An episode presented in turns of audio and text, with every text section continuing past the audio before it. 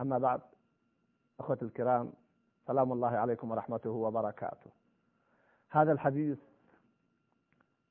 أصل في جوانب كثيرة وبخاصة في باب الزكاة. أصل عظيم ولكن الدروس التي فيه تتعدى ما يتعلق بجانب الزكاة فقط فهو أصل في الإيمان والإسلام والزكاة وأركان الإسلام. الزكاة ذكره العلماء في باب الزكاة لأن فيه تفصيلا أكثر من غيره. وهذه وصية النبي صلى الله عليه وسلم عندما أرسل معاذا إلى اليمن. فنجد فيه من الوقفات على منهاج النبوة ما يلي. أولا أن من أرسل رسولا بأمر مهم عليه أن يوصيه بما يحتاج إليه. فكان النبي صلى الله عليه وسلم كما في حديث بريدة إذا أمر أميرا على جيش أو سرية أوصاه بتقوى الله جل وعلا وبما يلزم في هذا الباب في باب الجهاد وهو حديث عظيم معروف في بابه.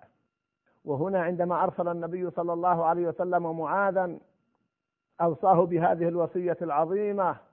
وعندما أرسل أيضا أبا موسى ومعاذ رضي الله عنهما ورضي الله عن الجميع ماذا قال لهما؟ يسرا ولا تعسرا وبشرا ولا تنفرا وتطاوعا ولا تختلفا وصية جامعة مانعة. هذا الحديث فيه هذه الوصايا العظيمة بل إنه يرسم منهجا في الإيمان والإسلام والدعوة إلى الله جل وعلا. أول ما نقف معه في هذا الحديث هو التدرج. إنك تأتي قوما أهل كتاب فليكن أول ما تدعوهم إليه ماذا؟ نجد أن يقول لا إله إلا الله لأن اختلفت روايات الحديث في هذا وغيره وكلها صحيحة. أي فادعهم إلى لا إله إلا الله وأني رسول الله. فإنهم أطاعوك لذلك فأعلمهم أن الله قد افترض عليهم خمس صلوات وبدأ يتدرج. التدرج أيها الأحبة سنة طبيعية سنة كونية سنة إلهية. الله جل وعلا قادر على أن يخلق المولود. بقوله كن فيخرج أي مولود كما خرج عيسى عليه السلام. ولكن سنة التدرج. الشمس انظروا إلى تدرجها من بدايتها إلى أن تكون في أفق السماء ثم في التدرج في النزول حتى تغيب. القمر تدرجه ومنازله النبات النخلة. قد تحتاج إلى عدة سنوات حتى تثمر. التدرج في الأحكام عندما جاء النبي صلى الله عليه وسلم انظروا إلى الأحكام.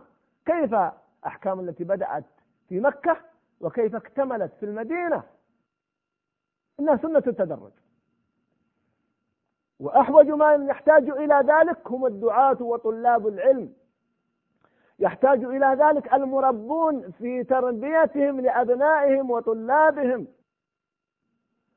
إن مخالفة سنة التدرج مخالفة لسنة كونية, وشريعة إلهية. والذين يستعجلون الأمور ويريدون الأمور في لحظة يخالفون الواقع والطبيعة والإمكان والسنن. التدرج أمر ظاهر. فالحظوا وتأملوا ما جاء في هذا الحديث وهو منهج نبوي. ما أحوجنا إليه في دعوتنا وفي تعليمنا وفي الأمر بالمعروف والنهي عن المنكر. من أصعب الأمور تغيير عادات الناس. تغيير عادات الناس أمر صعب. يحتاج إلى نفس طويل وإلى حلم وإلى صبر وإلى تدرج.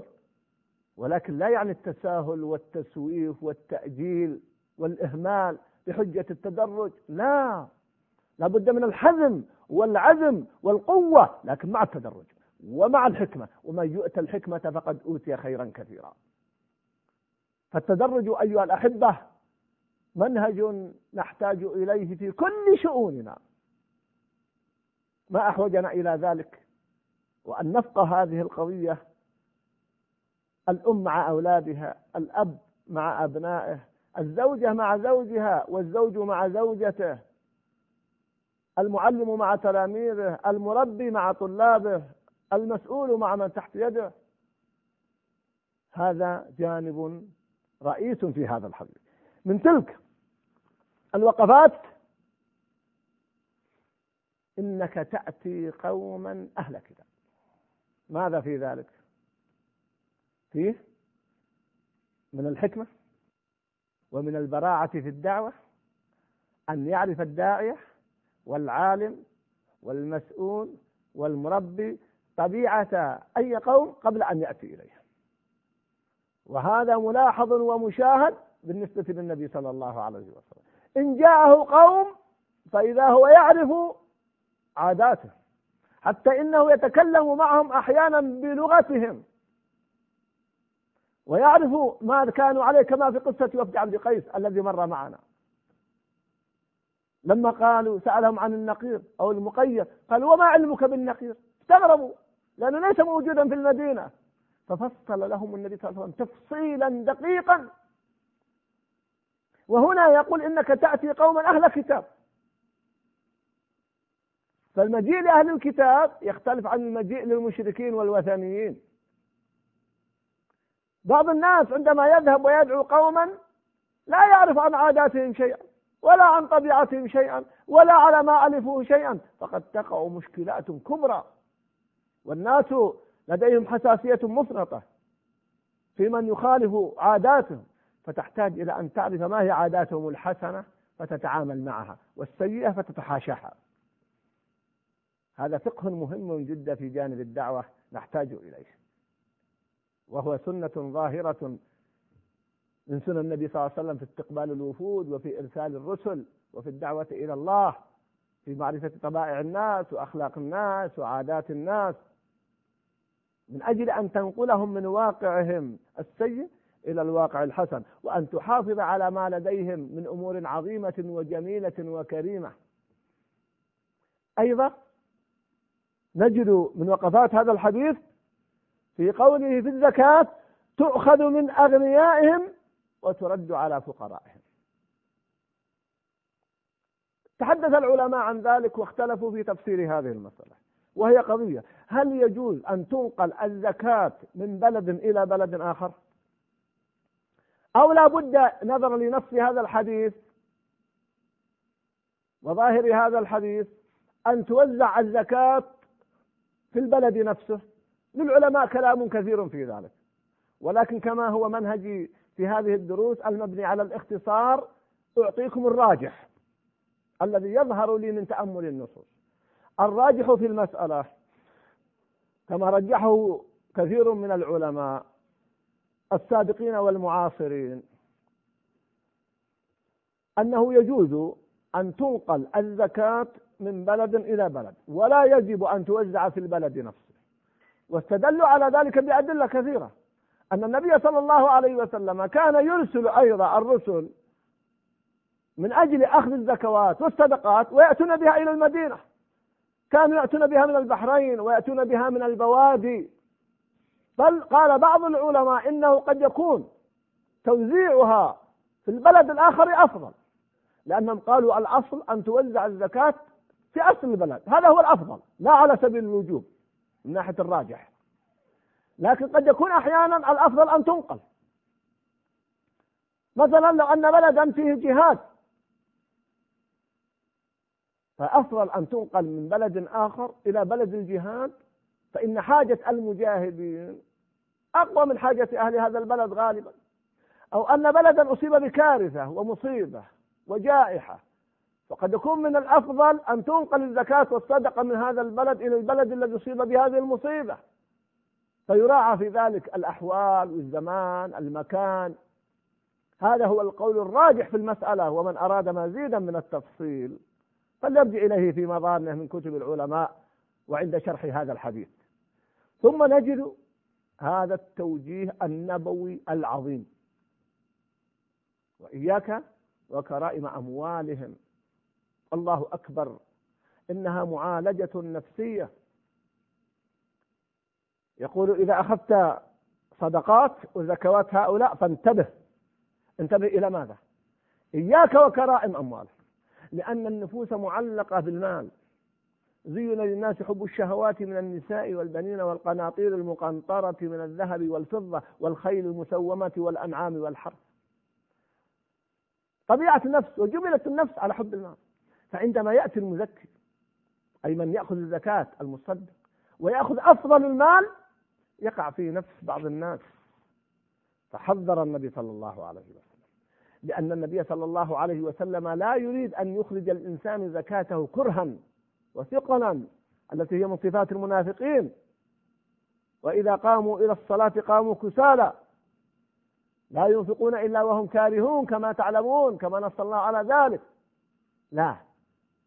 المطلوب من المزكي والمصدق أن تكون نفسه منشرحة فرحا بذلك لآثار هذا على ماله. فنحن واجبنا أن نراعي هذا الأمر. وأن نحتاط لهذا الجانب. أعطي مثلا عمليا. سمعت أحد الطلاب العلم وكان قائما على مشروع دعوي يقول ذهبت إلى رجل من الأثرياء فحدثته عن هذا المشروع وحاجتي إلى المال. فقال إنني متبرع بمبلغ كذا وهو مبلغ كبير جدا بمئات الآلاف. يقول لكنني شعرت أن فيه ثقل عليه. قلت له لا المبلغ كبير لعلك تعطينا أقل من ذلك. قال المال كثير والخير كثير ورحمة الله قلت له لا. يقول قال إذا المبلغ الفلاني أي ثلث الم... ثلثي المبلغ الذي ذكر. يقول وشرح شعرت معه بانشراح في نفسه وفرح. فقلت في نفسي يقول أن يعطينا هذا المبلغ وهو أقل بانشراح نفس وطيبة خاطر أفضل من المبلغ الأول وهو كبير ولكن قد يكون في النفس شيء. أخذا من هذا الحديث وإياك وكرائم أموالهم إننا نحتاج إلى هذا المعنى في دعوتنا إلى الناس.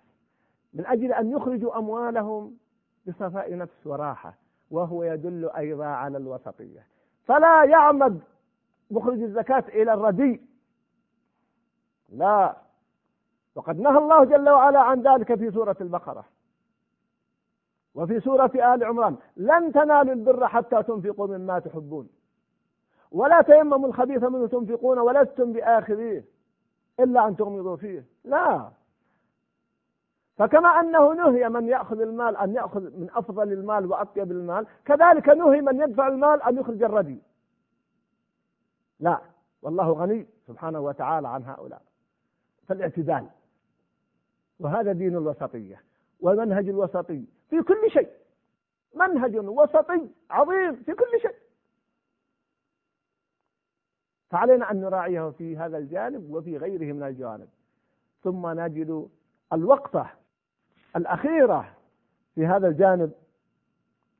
هي إياك ودعوة ثم يقول أيضا النبي صلى الله عليه وسلم في هذا الحديث واتق دعوة المظلوم فإنه ليس بينها وبين الله حجاب. نعم.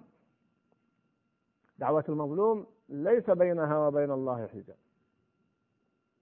قال بعض العلماء حتى لو كان كافرا.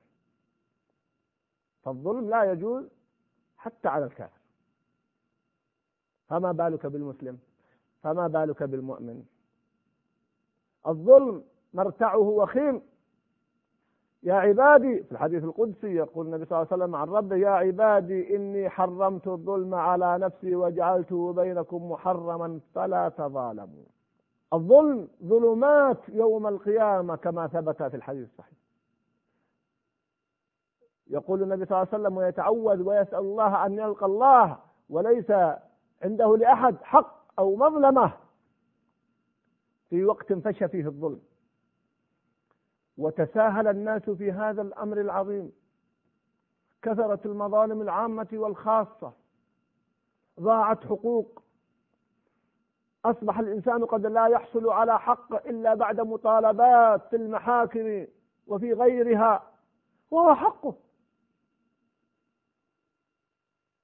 فلنتق الله جل وعلا. اتق دعوة المظلوم.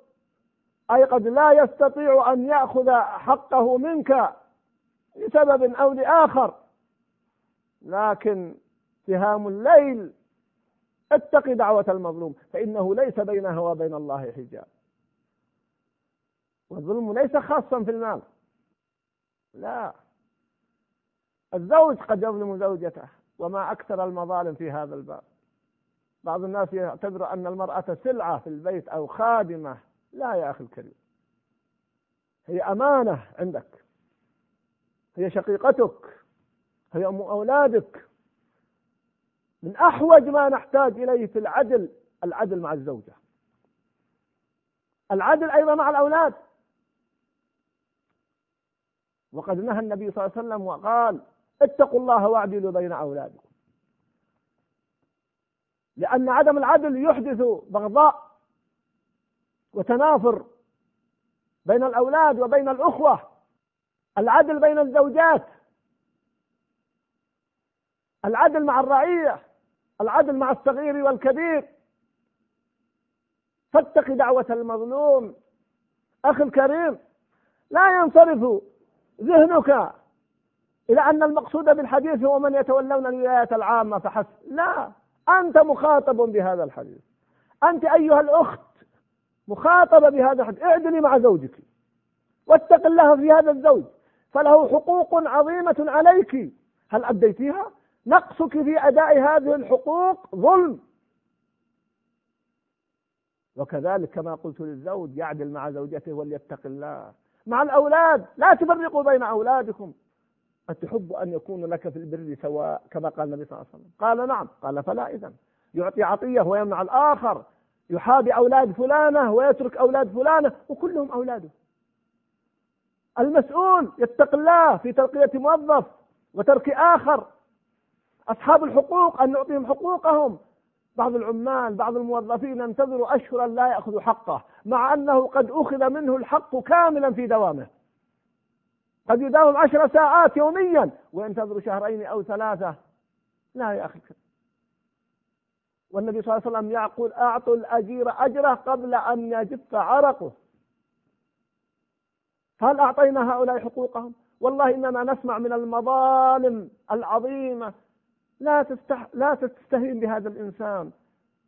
فقد يتوجه إلى ربه ويرفع يديه دعاء عليك وتصيبك هذه الدعوة. اتق الله يا صاحب المال يا صاحب المؤسسة يا صاحب الولاية.